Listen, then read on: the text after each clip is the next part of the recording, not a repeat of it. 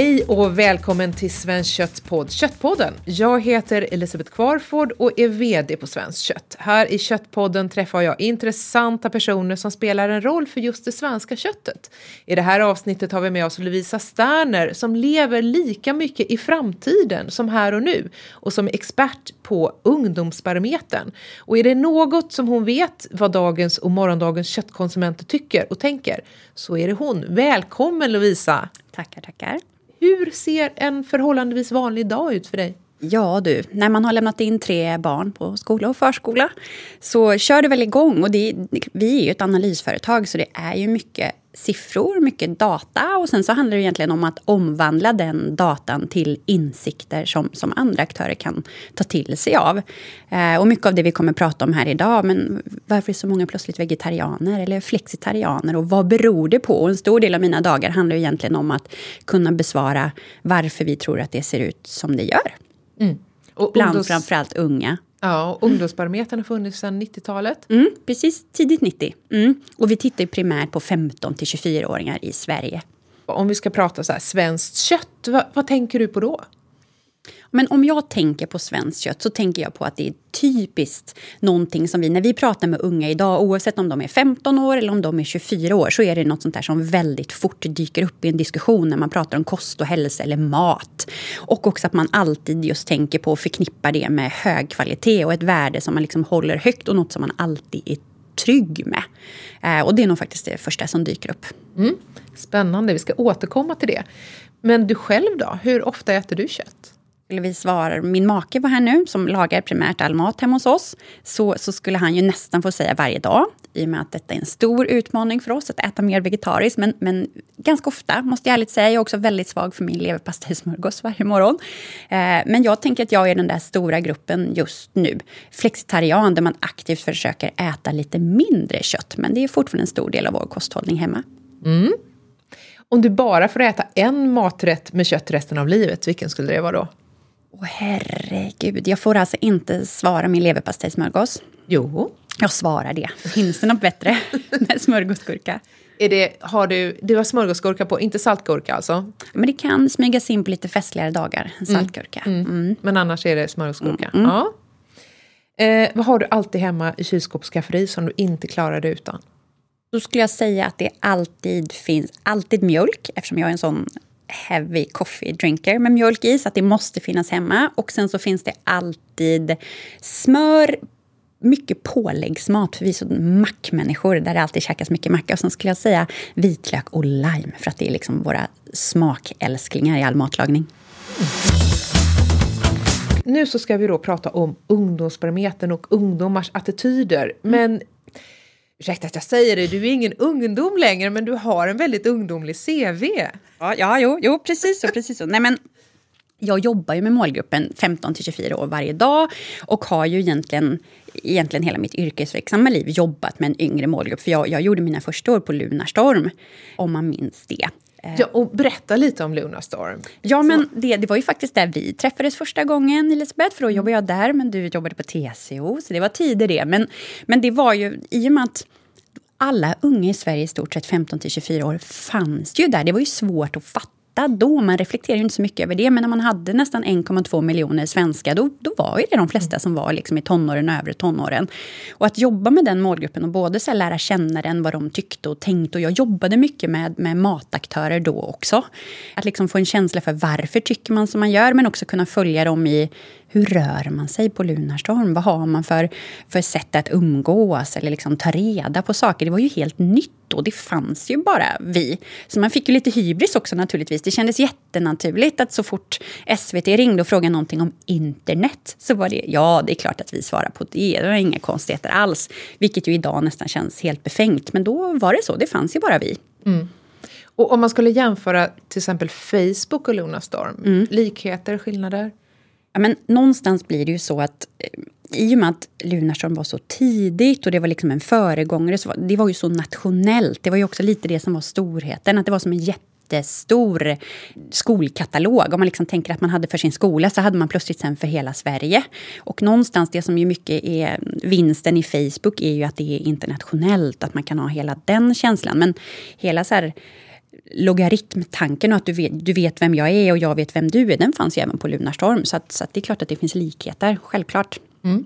Vad är det som driver dig idag? Och hur länge kan man engagera sig just i ungdomar?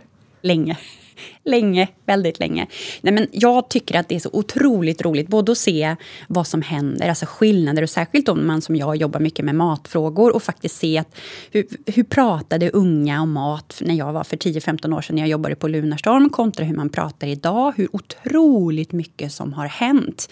Och det gör ju naturligtvis också att det fortsätter att vara roligt att jobba med de här frågorna eftersom trenderna går så snabbt och så är det vissa trender som är beständiga, som man märker att men de har inte försvunnit. De är ju faktiskt här och i en vardag. Och så är det ju några andra som kommer och går. Mm. Och det gör ju att det är roligt varje dag. Och vad är de starkaste trenderna just nu? Men nu är det ju svårt för någon att undgå hur stor liksom, vegotrenden är. Eh, och med vegotrenden så lägger vi oftast i att du har den ena delen som är veganerna. Att man de facto har väldigt tydlig kosthållning. Sen i andra leden så har man ju faktiskt de där jag själv återfinns också, de där man aktivt försöker äta lite mindre kött. Men man har ett ganska så här, pragmatiskt förhållningssätt till kött. Att när det väl kanske bjuds på det eller någon annan bjuder, ja, men då, då äter jag det också. Så det skulle jag säga är den stora trenden. Och vad som kommer med det, vad man kopplar till värden som vegetarianism. Att det ser ganska annorlunda ut kontra hur det bara såg ut för några år sedan. Men om det nu sitter någon och lyssnar som är så här, ja men hur vet du det här? Så hur går det till att göra ungdomsbarometern? Ja, Bra fråga. Ja, men vi, vi, har gjort den sedan 1992 och den är riksrepresentativ. Det är 15 till 24 år och vi, det är ju en kvantitativ undersökning så vi, vi skickar ut den till hela landet för att liksom se till att vi ska, alla grupper ska återfinnas i den. Och då, då, har man ju liksom, då ställer man kvantitativa frågor, får siffror på det. Men sen är det klart att de där riktiga insikterna kommer ju sen när man lever med de där siffrorna och man trycktestar dem, man pratar om dem i fokusgrupper och man liksom ser att vad säger de egentligen? Vad står det mellan raderna? Ungarna. Men det gör ju också att man kan göra väldigt mycket spännande tidsserier naturligtvis för att faktiskt se att vad svarade unga eh, 2004 kontra vad svarar de idag? Och där får man ju väldigt mycket evidens för att det har hänt saker. Det är inte bara åsikter och, och lösa tankar utan det finns siffror på det. Mm. Alltså man pratar ungdomar. Nu känns det som att det tar jäkla tid för folk att bli vuxna. Håller du med om det? När slutar man att vara ungdom? Ja, men det är väl en sån där klassisk fråga. Blir man vuxen då? Jag vet inte. Jag har svårt att svara på det själv eftersom man oftast känner sig ganska barnslig. Men, men eh, å ena sidan är det ju så. Å andra sidan, när man liksom pratar matvanor så är det ju så att de samtalen som vi idag kan ha med en 15, 16, 17-åring i Sverige, alltså den nomenklaturen som man har och det sättet som man kan prata om vad man äter eller kanske framförallt vad man inte äter. Alltså, vi hade aldrig kunnat ha ett sånt samtal för tio år sedan för man kunde inte prata om mat på samma sätt.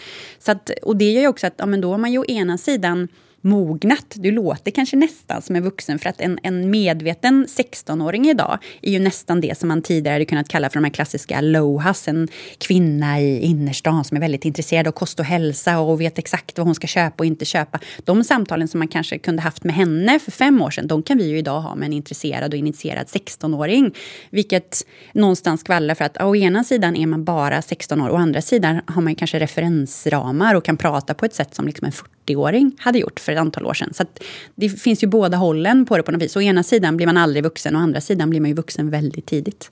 Och var hämtar ungdomarna sin information från? Ja, var hämtar de den? Var hämtar de den inte blir ju nästan frågan. Men det är klart att med risk för att slå in en vidöppen dörr. Men det är klart att de är extremt digitala. Det skulle jag naturligtvis inte säga om jag var 17 år, för det är ju ingenting som man reflekterar över. De är ju inte imponerade av internet. På samma sätt som kanske jag, så här, klassisk 70-talist, jag tycker fortfarande att ändå det är ganska häftigt att jag kan hämta grejer. Men det tycker jag inte om jag är 16 år. Jag har alltid haft en mobil i handen i stort sett. Eh, och då är det väldigt naturligt att alltid kunna kolla upp allting. Att liksom få informationen, leta upp informationen. Och man är också duktig på att hitta den. Sen om det är att jag följer en bloggare eller vloggare eller att jag hittar det någon annanstans. Men det där sitter ju i ryggraden. Eh, och också att man är, man är duktig på att vara ganska källkritisk. Veta vart man ska leta och inte leta. Mm. Svenskarna och internet har väl visat att egentligen så är ju kidsen mer källkritiska än deras föräldrar, eller kanske framförallt mor och farföräldrar. Ja, ja. när det gäller vad man hittar på internet. Ja. Och det där är ju ganska intressant, för vi ställer ju, vi ställer ju frågan till 15-24-åringarna så ber, ber vi ju dem att de ska beskriva vuxengenerationen. Och ett av de orden som dyker upp där är att man inte tycker att vuxengenerationen är källkritisk. Man tycker liksom att de är usla, att vi är usla på det. Men ni fattar fattar ju inte, ni har ju inte känslan för vad som är på riktigt och inte på riktigt. Och där är ju skillnad, för de har ju gått i skola där man har lärt sig att okej, okay, nu kollar du upp det i den här kanalen. Ja, hur ska du tänka och resonera kring det? De är ju källkritiska på ett helt annat sätt än vad vi är. Mm. Kött är ju både status och föraktat idag. Eh, hur tänker du kring utvecklingen av köttets status? Vad är det som har hänt och kan man säga när började det? Ja, men jag tänker någonstans, det har ju skett otroligt mycket bara så de senaste fem åren. Men då, är det, då kan man ju se det så tydligt i siffrorna. Men trenden började ju egentligen tidigare än så. Och jag, tycker, jag, ska, jag ska komma till det som primärt handlar om kött. Men jag tänker att en stor skillnad om jag kopplar tillbaka till när jag jobbade på Lunarstorm och en av de största aktörerna som liksom jobbade och kommunicerade mot unga, det, det var ju Dafgårds. Då handlar det om att sälja Gorbis eller panpizza. Och det säljer man idag också och det är inga konstigheter med det. Men det var primärt det som unga åt. För då handlade det om att säga, jag skulle bli mätt, jag skulle bli det snabbt, jag kunde stoppa in den i mikron, mikra den, käka den och check. Sen hade jag ätit, sen kunde jag göra någonting annat. Idag är ju mat och det man äter, eller kanske framförallt vad man de facto inte äter, en av de absolut tydligaste identitetsmarkörerna för unga. Vilket ju gör att förhållningssättet till mat ser så annorlunda ut. Det är väldigt få som bara kastar in något och mikrar. Och skulle jag göra det, ja, då gör jag förmodligen jättegod sallad till med lite härlig dressing och jag har helt andra saker till. Men det det gör ju också att när man tänker på en sån sak som kött som det finns så mycket åsikter kring. För det gör det och det är ju väldigt påtagligt. Men där är det också så att när vi pratar om kött och huruvida man äter eller inte äter med unga, då finns det en väldigt tydlig tendens av att men en mm, pragmatism av att ja, men jag bjuds jag på det, ja, men då käkar jag det. Har min mamma eller pappa gjort en god maträtt, ja, men då kan jag tänka mig att äta det. Men, um, och jag kan göra det själv också, men då behöver det vara svenskproducerat eller att det är härifrån. Jag har ganska höga krav på vad det då ska vara för kött. Samtidigt som jag också någonstans tänker att många då, vi ser ju att en femtedel av de som identifierar sig som vegetarian, de äter ju de facto kött ibland. Och då är man ju inne i en annan trend som ju någonstans också handlar om kött. Men vad är det som har hänt med ett ord som vegetarianism då? Men det, det är ju plötsligt inte bara en matpreferens som handlar om huruvida äta kött eller inte äta kött. För det är ju själva premissen för vegetarianismen. När man pratar med unga idag, då ser man ju någonting annat. Att, ja, men det är snarare värdena som vegetarianismen står för. Det är ju snarare en rörelse. Och vad, vad förknippar man med det idag? Jo, det är ju framförallt att det ska vara klimat och hållbarhet. Det kommer på första plats. Sen kommer att det är hälsosamt och sen kommer de djuretiska etiska skälen. Och om man pratar trender då, precis som, som låg i frågan, att om vi tittar på det 2009, vad svarade man då? Vad var anledningarna till att man till exempel var vegetarian då? Då var ju det primär djuretiska skäl. Idag är det helt andra värden som har kommit in. Ja, men eh, jag är vegetarian. Ja, men du äter ju kött ibland. Ja, men det det står för, alltså den rörelsen framåt, det står jag också bakom. Det stöttar jag, det tror jag på. Mm. Så det är ju en superstark trend, jättetydlig. Tror du att det också kan vara så att man kanske äter kött men det är ingenting som man vill säga i undersökningen? Ja, men det, det, finns, nu är det ju en trend att äta mindre kött, det är absolut så. Samtidigt så får man heller inte glömma att det finns ju också en grupp, primärt killar på landsbygd, som tycker de identifierar sig med att vara köttätare. I love meat och liksom, åh vad det är gött med kött. Sen spelar det inte så stor roll vart det kommer ifrån eller vart, utan jag vill bara ha mitt kött. Och där är det ju tvärtom. Och ibland kanske det snarare handlar om att positionera sig mot dem. Att nej men jag, det vill jag inte visa. Så du säger att jag kanske inte äter kött fast det kan ändå slinka ner någon köttbulle eller lite köttfärssås där hemma. Men, men eh, jag skulle ändå säga att nu är det så det är så etablerat med den här klassiska flexitarianmålgruppen. Det där att man faktiskt både äter mycket vegetariskt men också kött. Och den börjar bli så etablerad nu att den är helt okej. Okay. Men för många unga ska man också komma ihåg, där handlar det kanske om att du äter vegetariskt i skolan. Mm. Eh, och då ska man koppla det till smaken också för att många upplever att just i skolan så är den vegetariska maten godare. Mm. Så kanske du käkar kött hemma sen. Vad tänker dagens ungdomar om att matlagning generellt, alltså framförallt bland vuxna, sådär, mm. har blivit lite som en materialsport? Att det plötsligt finns massa maskiner i köket. Så det är eh, tryckkokare och sous vide och såna slow cooker och, och så. Är, är, det någonting som man tycker är roligt eller blir det bara jobbigt? Vill man bara ha en stekpanna och en kastrull och så? Jag tror att det finns skillnader. I och med att det finns, det finns ju en målgrupp, eh, framförallt bland killarna, där man både delar då att man kanske identifierar sig som så här foodie, matfantast, du lagar mycket mat och tycker att det är roligt och du är medveten. Och så korrelerar det också då med dem där man kanske är lite prylnörd och täcker. Man tycker det är roligt med olika eh, devices helt enkelt. Ja, de kan man ju också våga tänka sig att då är det roligt med de här delarna i köket också. Och det blir nästan lite kemi eller lite fysik. Vad ska jag göra? Men jag skulle säga den stora trenden och på det stora hela skulle jag inte säga att det dominerar. Utan då är det ju ganska enkelt, alltså lite så clean cooking. Men jag har min skärbräda, jag har min kniv. Eh, och också att det mycket handlar om skulle man bildgoogla, så några av de mest frekventa bilderna som kommer fram det är ju en knäckebrödmacka med avokado på och lite chiliflakes. Och det krävs inte så himla mycket för att göra den bilden väldigt fin. Men där finns ju en annan trend också som, vi har inte rakt av siffror på det, men man kan ju skönja den däremellan. Det, där att det är klart att den, den gröna trenden också har blivit stark för att den är visuellt vacker. Det blir väldigt fina bilder i ett flöde och är man då väldigt digital, oavsett om du är på Instagram eller om du är vad du nu än tänker svara. Det är klart att du vill ju lägga upp fina bilder och du vill att de ska rimma med hur du identifierar dig. Och då kanske det är lite härligare med den där avokadomackan än vad det kanske är med din stora falukorv som mm. du precis har stekt på. För bildmässigt blir det vackrare. Den bruna maten ja. är inte poppis på Instagram. Nej. Nej. Om du tänker utifrån hur dagens ungdomar tänker och agerar de närmaste fem åren. Alltså vilka råd skulle du ge till svenska köttbönder? Jag tror att ja, men någonstans att man måste våga ta sig in i debatten på något vänster och, och, och liksom lite förkroppsliga det där klassiska att men här är vi. Vi jobbar med det här varje dag. Det ser ut på det här sättet. Så här ser vår vardag ut. Och, och här blir det påtagligt att det är en skillnad om jag bor på skånska landsbygden och jag har massa gårdar runt omkring mig och jag ser att här, här är det grödor och här är det djur. Alltså det är klart att jag får ett helt annat förhållningssätt till att förstå att just det, det ni har där på gården, det är också det som jag sen kan gå och plocka i min, i min chark eller i min disk när jag faktiskt ska handla. Och det det är inte lika tydligt om jag bor i Stockholms innerstad eller Malmö eller Göteborg eller vart jag nu är, en stad överhuvudtaget. Att jag ser inte riktigt den kopplingen på samma sätt. Samtidigt som vi ju kan se att när man pratar om de här lite större värdena, och man pratar ju otroligt mycket om att hållbarhet är viktigt och vad lägger jag i det och biologisk mångfald och öppna landskap och allting. Och hur hänger det då ihop? Och ska man då ge något råd, oavsett om det är att jag säger att så här, nu, alla goa bönder där ute, nu ska ni börja vlogga, för nu ska vi få en känsla för hur det ser ut. Men jag tror inte man ska rädas att någonstans visa sin vardag. Att så här ser det ut, så här funkar det. För man behöver ju få en och, känsla. Och med vlogga är helt enkelt att lägga ut video på ja, Youtube. Mm. Ja, och samma sak igen. Jag tycker att det här kopplar ganska väl an till så här, det visuella. Men hur ser det ut då? Hur ser en vanlig dag ut? Vad gör man?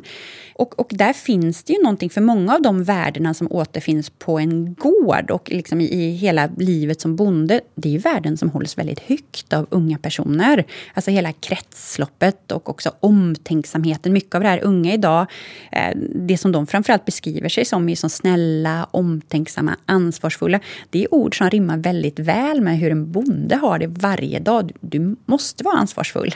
Du måste vara omtänksam. Du måste vara alla de här glosorna, för annars funkar inte ditt jordbruk. Oavsett, oavsett ju om du har djur eller om det liksom bara är grödor, så är det ju, du måste ha med dig det. Och det är värden som de hålls högt av unga och man tror på dem. Man behöver marknadsföra det här att man finns. Man mm. gör det här varje dag. Mm. Svenska bönder behöver synas mer. Ja, verkligen. Mm. Finns det ett intresse bland ungdomar att jobba med lantbruk? Vi har inga siffror på det rakt av huruvida man är intresserad eller inte. Men jag kan ju skönja liksom tendenser av att man tycker att det är intressant, att det är roligt. Att igen, liksom alla värden som man håller högt finns ju där. Men sen ska jag ärligt säga också att det finns ju många som är varse att det är tungt, det är tufft, det är slitsamt och det krockar krockar ju, för det måste man också med sig. Det krockar med att nu pratar vi om unga idag som att någon typ av så livskarriärister. Du ska inte bara göra karriär på jobbet, utan du ska också göra karriär i, i ditt vanliga liv. Du ska hinna ta hand om din hälsa, du ska äta äta bra, du ska liksom konsumera medvetet, du ska ta hand om dina relationer. Så att du är inte bara ditt jobb längre, utan du är så mycket mer. Och man är ju ganska vars att gå in i livet som bonde, ja men det är du 24-7. Det kommer krävas att du gör det hela tiden. Samtidigt så finns det ju andra delar i det som rimmar väldigt med att det är hälsosamheten eller ta hand om dina djur eller att det kanske är ett familjejordbruk. Ja, men då kan du ju göra det i ditt jobb. Alltså du skulle ju säkert kunna få ihop den där cirkeln, men man ska nog ha med sig att det finns utmaningar. Mm. Och att man inte behöver gå till gymmet för att man får den träningen på jobbet. Exakt så. Exakt så. Mm. Eh, är det någon produkt som du noterat att dagens ungdomar väljer bort fullkomligt? Palmoljan. Den är väldigt påtaglig nu. Men också så här, vissa larm som slår hårt. Men det är ju inte bara bland unga. Och plötsligt så är det väldigt många som är livrädda för rött kött. Nej, det ska man inte äta. Eh, palmoljan är tydlig. Men sen så finns det vissa saker också i och med i och med just det att man identifierar sig med vad man de facto inte äter så finns det ju trender där. Och där är det ju mycket att det är någon typ av sockertopp, att man undviker socker det finns många som undviker laktos, man undviker gluten. Alltså det är klassiska så här, trender och lite i den här clean eating-trenden att det ska inte vara processat utan det ska vara ren mat. Och oavsett om en ung person idag själv skulle använda en glosa som är att jag äter clean eating nu. Eller om det bara är att nej, men det är en känsla av att jag vill äta rent, jag vill att det ska vara fräscht. För fräscht är också en sån där typisk glosa som alltid används. Det ska kännas fräscht. Hur är det med till exempel pressylta och leverpastej och sånt? Kommer det att finnas om 30 år? Gud vad spännande. Jag tror att det som är intressant om, vi ska ta, om man ska ta leverpastejen, det är mycket leverpastej idag, men om man ska ta det som exempel så är det ju faktiskt så att just frukostvanor bland unga är ju lite intressant. Och det här har jag kollat på länge, för det, och jag, vi höll på jättemycket med det även på Lunarstorm, för att det har ju alltid varit en sån stor sak för Arla till exempel. Och man är ju så skolad i att frukosten är vårt viktigaste mål. Och där är det så att det finns otroligt mycket trender som vi kan se, framförallt i hur man äter ett mellanmål, eller vad man äter för lunch eller för middag äta och där händer det väldigt mycket. Men frukosten, den är ganska konstant. Vad man äter där. Och där finns ju väldigt många som kanske inte skulle käka kött till lunch eller till middag, men man kanske tar sin skinka, eller man tar sin leverpastej, eller man tar sin kalkonskiva för den delen. Och det är väldigt så här djupt rotat i att frukosten, den är ganska lik hur jag är uppväxt. Det sätter sig någonting att hur har min familj ätit frukost? Eh, sen finns det skillnader killar och tjejer. Ja, men tjej, det är väsentligt mer frukost frukt och det är eh, keso är också en sån där sak som har kommit in. Eh, smoothies, juicer. Men, men, men den stora trenden är ändå att det är ganska likt hur frukosten ser ut idag kontra hur den bara såg ut för 10-15 år sedan eller 20-25 år sedan för den delen. Och det tror jag inte att man tänker. Nej. Man tänker att det ska ha hänt jättemycket där. Men den är ganska konstant. Och där finns, eh, där finns ju lever, jag ska inte säga att pressyltan finns med. Men leverpastejen finns ju i allra högsta grad med. Mm. Mm.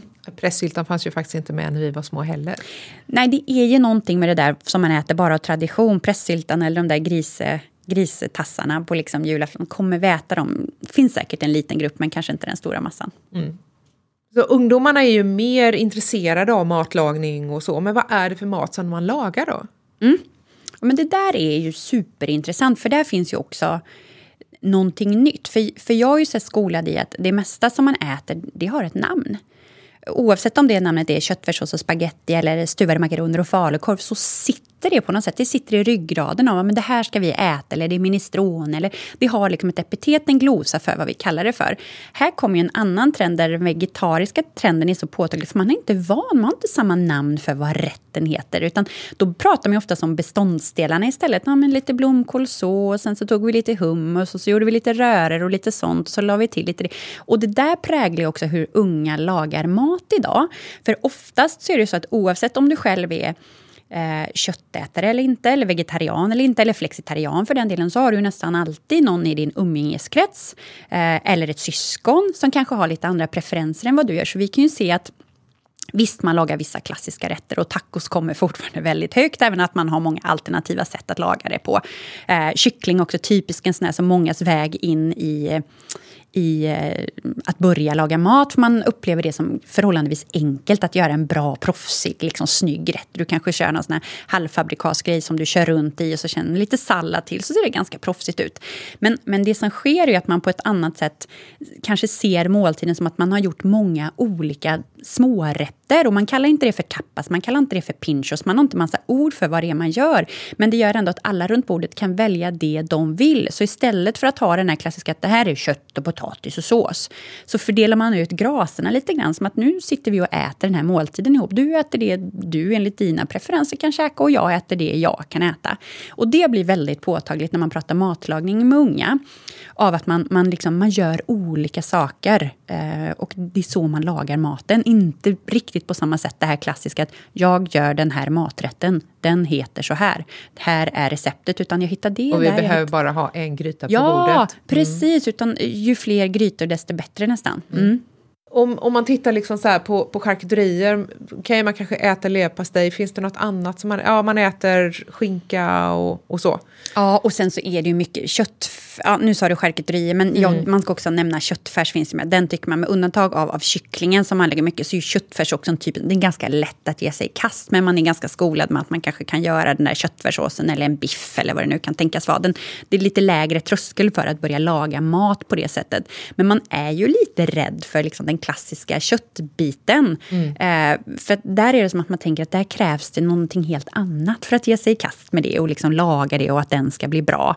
Eh, Och sen är ju det ett värdefullt livsmedel. ja. Ja. Det, det är, en råvara som man lägger ganska Ja, många kronor absolut, Absolut. Av våra 15 till 24-åringar, så 20 till 24-åringar, de har ofta flyttat hemifrån och liksom börjar handla hem till det egna hemmet. Och där finns ju jättemånga som också resonerar som att vegetariskt är skitbra, det är mycket billigare.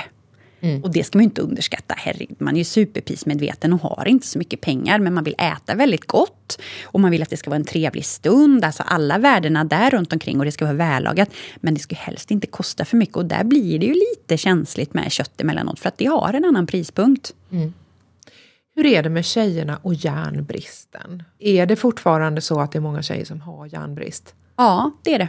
Vi, vi frågar ju lite extra mycket om det förra året faktiskt för att ta reda på hur det förhåller sig. Och det är påtagligt att det är. Det är ju, det är ju någonting som är för framförallt tjejerna och det finns där och det är ganska många som pratar om vad man, vad man då äter oavsett om det är särskilda liksom järntabletter för att, för att försöka stilla den här järnbristen då. Men det är absolut påtagligt. Mm. Mm. För Det är ofta så att det är, liksom, tjejer väljer bort köttet. Kött, rött kött är en väldigt bra källa för järn. Och det blir naturligtvis, det kan man väl våga tänka sig då att om man, om man puttar tiden framåt några år, att ju fler som äter mindre och mindre kött, att det kommer också synas i järnvärden. Så är det ju, absolut. I ungdomsbarometern så pratar ni om kostfilosofi. Vad, vad sjutton är en kostfilosofi? Ja, men jag tänker att om, om man backar tillbaka till det vi pratade om, det här att, att det kanske för 15 år sedan snarare handlade om att jag ska bli mätt. Så jag, jag mikrar det här oavsett vad det var. Så ska jag bli mätt, sen behöver jag inte tänka så mycket mer på det, utan då har jag ätit så kan jag göra andra saker.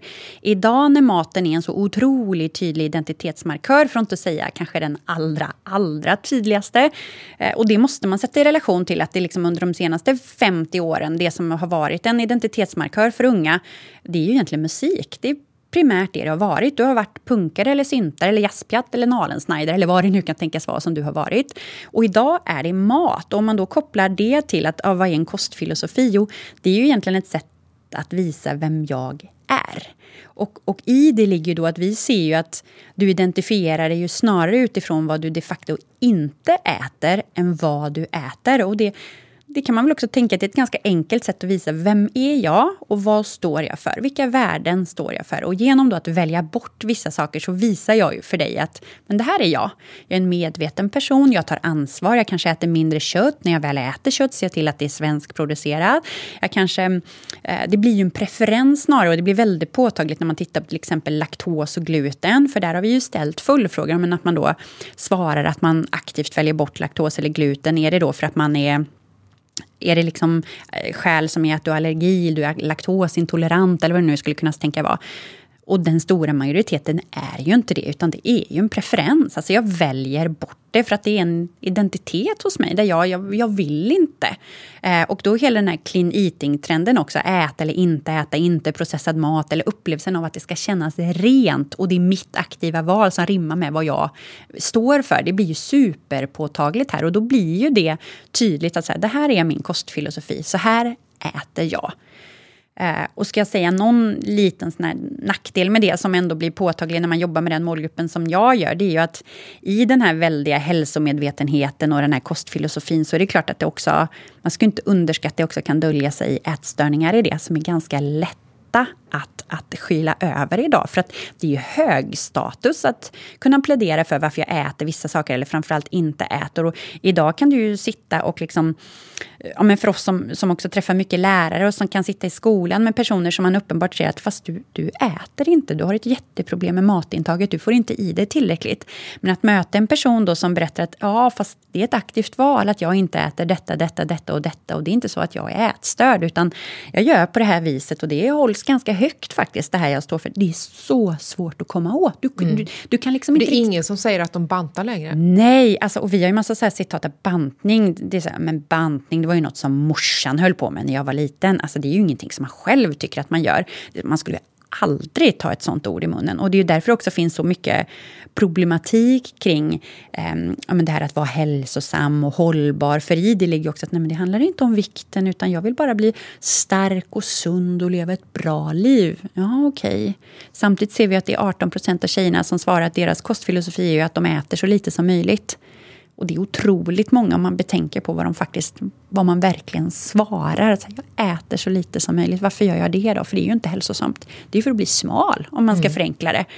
Eh, och, och, det är jättetydligt att tjejerna har fortfarande ett väldigt mycket mer problematiskt förhållningssätt till vikt och ätandet överhuvudtaget. Kontra när vi liksom pratar med killar som i stort sett tycker att ah, jag är spinkig, jag behöver bli större och kralla till mig. Eller som tycker jag är för stor, jag behöver bli smal. Ah, då tar jag någon diet. Och så pratar man ofta om det. Ah, men jag måste gå ner i vikt, jag är för stor. Medan vi när vi sitter med tjejerna i helt andra diskussioner och dialoger. Att, ah, men det är inte för att jag ska bli smal, utan det är för att jag ska må bättre. Och det är för min skull. Man har så många skulder för att man vill inte förknippas med en person som gör det bara för utseendets skull. Utan jag vill ju ha högre värden än så och då, då blir det lite problematiskt. Om man jämför med mätningen nu och mätning 2004 mm. så har intresset för att det ska vara svenskt mm. ökat något enormt. Mm. mm. Eh, vad tror du att det beror på? Jag tror att det finns egentligen jätte jättemycket att säga om det. Men om jag ska titta liksom vad, vad vi verkligen ser någonstans i siffrorna och vad man liksom hör unga prata om så är det, ju, det är så otroligt förknippat med kvalitet. Att när man pratar om att det är svenskproducerat, då är det första som du liksom tänker som ung, ja men bra, då är det hög kvalitet. Och hög kvalitet, det är någonting som du håller väldigt högt när du ska konsumera och äta idag. Vilket gör att det blir nästan som en genväg att veta, okej okay, om jag köper svenskproducerat, bra, då kan jag checka i alla de här, för om det är hög kvalitet då kopplar jag också på de där andra värdena av att, ja, men då tänker jag att det också är hälsosamt och det är hållbart. Alla de där, det är nästan lite nudging. Då har någon redan gjort det här valet åt mig. Så om jag vet att det står här kött från Sverige eller vad det nu kan tänkas vara. Det är redan en sån här stämpel för att bra, då är jag liksom hemma. Eh, lite då, då har nästan någon annan gjort det tuffa jobbet åt mig och jag kan bara checka i rutan och veta att jag eh, levererar på det. Eh, och, och den danska fläskfilén mår inte bra i, bland de unga. Nej, det gör den inte. Och det där är ju lite lustigt att den har ju ett så, så dåligt rykte. Det lever liksom fortfarande kvar. Och vi har jättemycket citat åt det där hållet också. Att det har fått mamma och pappa att sluta med nu under året, det är den där danska fläskfilén. Och det kan ju liksom vara 16-åringar som pratar så här. Så det är ju verkligen någonting som lever kvar i att det, det, det där ska vi inte äta, utan mm. vi ska äta svenskproducerat. Mm. Det var ju en stor nyhet för fyra år sedan. Ja, Då pratades ja. det väldigt mycket om, om den danska grisproduktionen, kapade mm. knorrar, hög antibiotikaanvändning. Ja. Och, så. Ja. Eh, och då, det är klart, då var ju de här liksom, 10, 11, 12 år mm. och nu 13, mm. 14 och nu så är de liksom, mer unga konsumenter. Ja, och det är sånt som har satt sig. Och jag tänker på när jag själv var liksom tonåring, då kanske det där var, då var det någon dokumentär som kanske hade gått på SVT om att det var dålig djurskötsel eller någonting och då kunde man se att plötsligt blev det fler vegetarianer och var väldigt förknippat liksom med djuretiska skäl till. Eh, men då var det ju den dokumentären och sen så kanske man kunde se den på reprisen. Men sen fanns ju inte det där mer. Det var inte så att jag kunde sitta och googla eller läsa om det här om och om igen. Alla spinoffer på en sån nyhet idag, de kan ju leva kvar i flera år och liksom allting lever ju fortfarande. Så att det går ju inte att jämföra idag med hur mycket starkare en sån trend blir än vad den kanske blev när jag var yngre. För att då, minnet var ju kort. Eh, för när den inte repriserades, nu hårdrar det lite, men när den inte repriserades längre på SVT, nej men då fanns det ju inte. Då, var det ju, då fick jag ju plocka från mitt huvudminne att vad var det de sa nu egentligen? Eller sitta på bibblan och liksom scrolla i ett tidningsarkiv. Och det gjorde man ju inte. Nej. Men företag som riktar sig mot ungdomar, vilka är dina fem bästa tips för hur de ska agera för att klara sig i framtiden? Vi ska se om jag får till det med fem bästa tips. Men jag tänker att det finns någonting i att, att eh, faktiskt våga ställa sig den här klassiska frågan i att Ehm, har jag en produkt? Har vi någon, är, är, det intressant för unga? Vill de, vill de äta det här? Och liksom, är det gott? För man ska inte heller underskatta smaken. Det kommer ju jättehögt. För det finns ju vissa. Vad, vad tänker man på då när man ska konsumera? Men prislappen är tydlig. För man ska komma, det här är unga personer. Man har inte hur mycket pengar som helst. Även om pris alltid hamnar högt oavsett vilka åldrar man, man frågar så är det väldigt påtagligt bland unga. Det måste man ha med sig. Hur ser hur ser prislappen ut?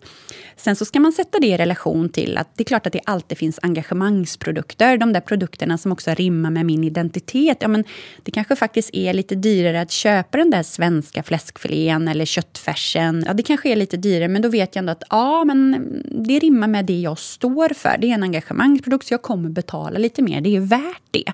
Men då måste man ju också veta som, som aktör att är vi en engagemangsprodukt eller är vi inte det? Och det kan vara ganska smärtsamt att ställa sig den frågan för nästan alla upplever att ja, men vi är det. Herregud, vi är ju falukorvsleverantör. Det är klart att herregud, ja, här ska man kunna lägga några kronor. Men ibland kanske man måste våga landa i att nej, men vi kanske inte är det, men vi borde då får man börja ett annat kommunikativt arbete. För då behöver man ju börja kommunicera att vad står vi för då? Ja, men vi kanske står för det här som vi ser borde vara viktigt för dig. Men om man inte har lyckats med det, då kommer man ju inte heller uppleva som det. Så jag skulle säga att tänka, tänka på priset. Också vilka värden man står för, i och med att det finns mycket som hålls väldigt högt. Men hållbarheten, vad menar man med hållbarhet? Hur, hur rimmar vi med det? Eh, att man liksom har koll på sina grejer också. Det, är, det låter klyschigt att prata om transparens, man har gjort det så himla många år, men det är ju vrålviktigt naturligtvis. Här sitter en målgrupp som är uppväxt med mobiltelefon i handen. Du kan liksom inte i bokstavlig mening sminka grisen. Du kan inte säga att du är någonting som du de facto inte är, för det kommer ta två sekunder sen när man kollat upp det. Så försök liksom inte att måla på en kostym som du inte har, utan står för vad du har för produkter. Kommunicera vad du har för produkter, så att du liksom är ärlig och tydlig i det. Och där tror jag att man ibland kan gå lite fel. Eh, samtidigt som det också finns jättemånga goda exempel på när man lyckas väldigt bra. När man både har en, en bra produkt som står för bra värden som unga gillar. Man kanske dessutom har visuellt en snygg förpackning och man har en bra prislapp. Eh, och nu blir, sitter jag plötsligt här och bara gör massa reklam. Men Garant är ett typiskt sånt exempel som alltid hålls väldigt högt av unga. Eh, och jag tror aldrig ett, ett varumärke som Garant hade pratat om på samma sätt för bara 10-15 år sedan. Idag är det ett sånt där som alltid dyker upp när man pratar med unga. Att ah, men Garant, de gör bra grejer. För då checkar man i alla de där boxarna. Det är visuellt snyggt, det står för de värdena som jag står för, det finns mycket bra ekologiskt. Och det har en förhållandevis låg prispunkt. Så, och för vissa produkter går ju det, för andra går det inte. Det kanske inte går för den där köttbiten som faktiskt har gjorts av den här bonden. Och så. Nej, det behöver kosta på ett visst sätt, men då behöver man också kunna kommunicera varför det kostar mer. För om jag vet varför, ja, då tenderar jag också att kunna tänka mig att betala för det. Mm. Det var inte riktigt fem, det var tre. Tre och en halv, tre och en halv råd. Det räcker. Ja, det bra. blir bra så. Det var allt för idag. Idag har vi fått lära oss att Eh, kostfilosofi och handlar mycket om vad man inte äter istället för vad man äter. Och att Lovisa kommer aldrig att välja bort leverpastejen utan den finns för alltid i hennes kylskåp. Och vad unga kommer att äta framöver, mm, det får vi se. Eller vad de inte kommer att äta. Synpunkter och tips tar vi gärna emot på till exempelvis Twitter, Facebook, Instagram, där vi heter Svenskt kött. Tyckte du att Köttpodden är intressant så sätt gärna ett betyg eller skriv en recension på iTunes eller där du hittade oss. Vi hörs snart igen.